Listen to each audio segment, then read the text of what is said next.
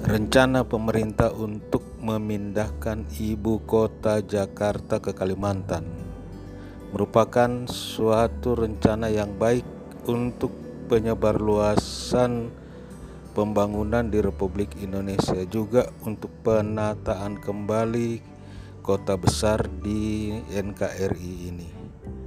Oleh karenanya, pemerintah sudah membuatkan rencana landscape maupun lokasi yang ada yang terletak di Kalimantan.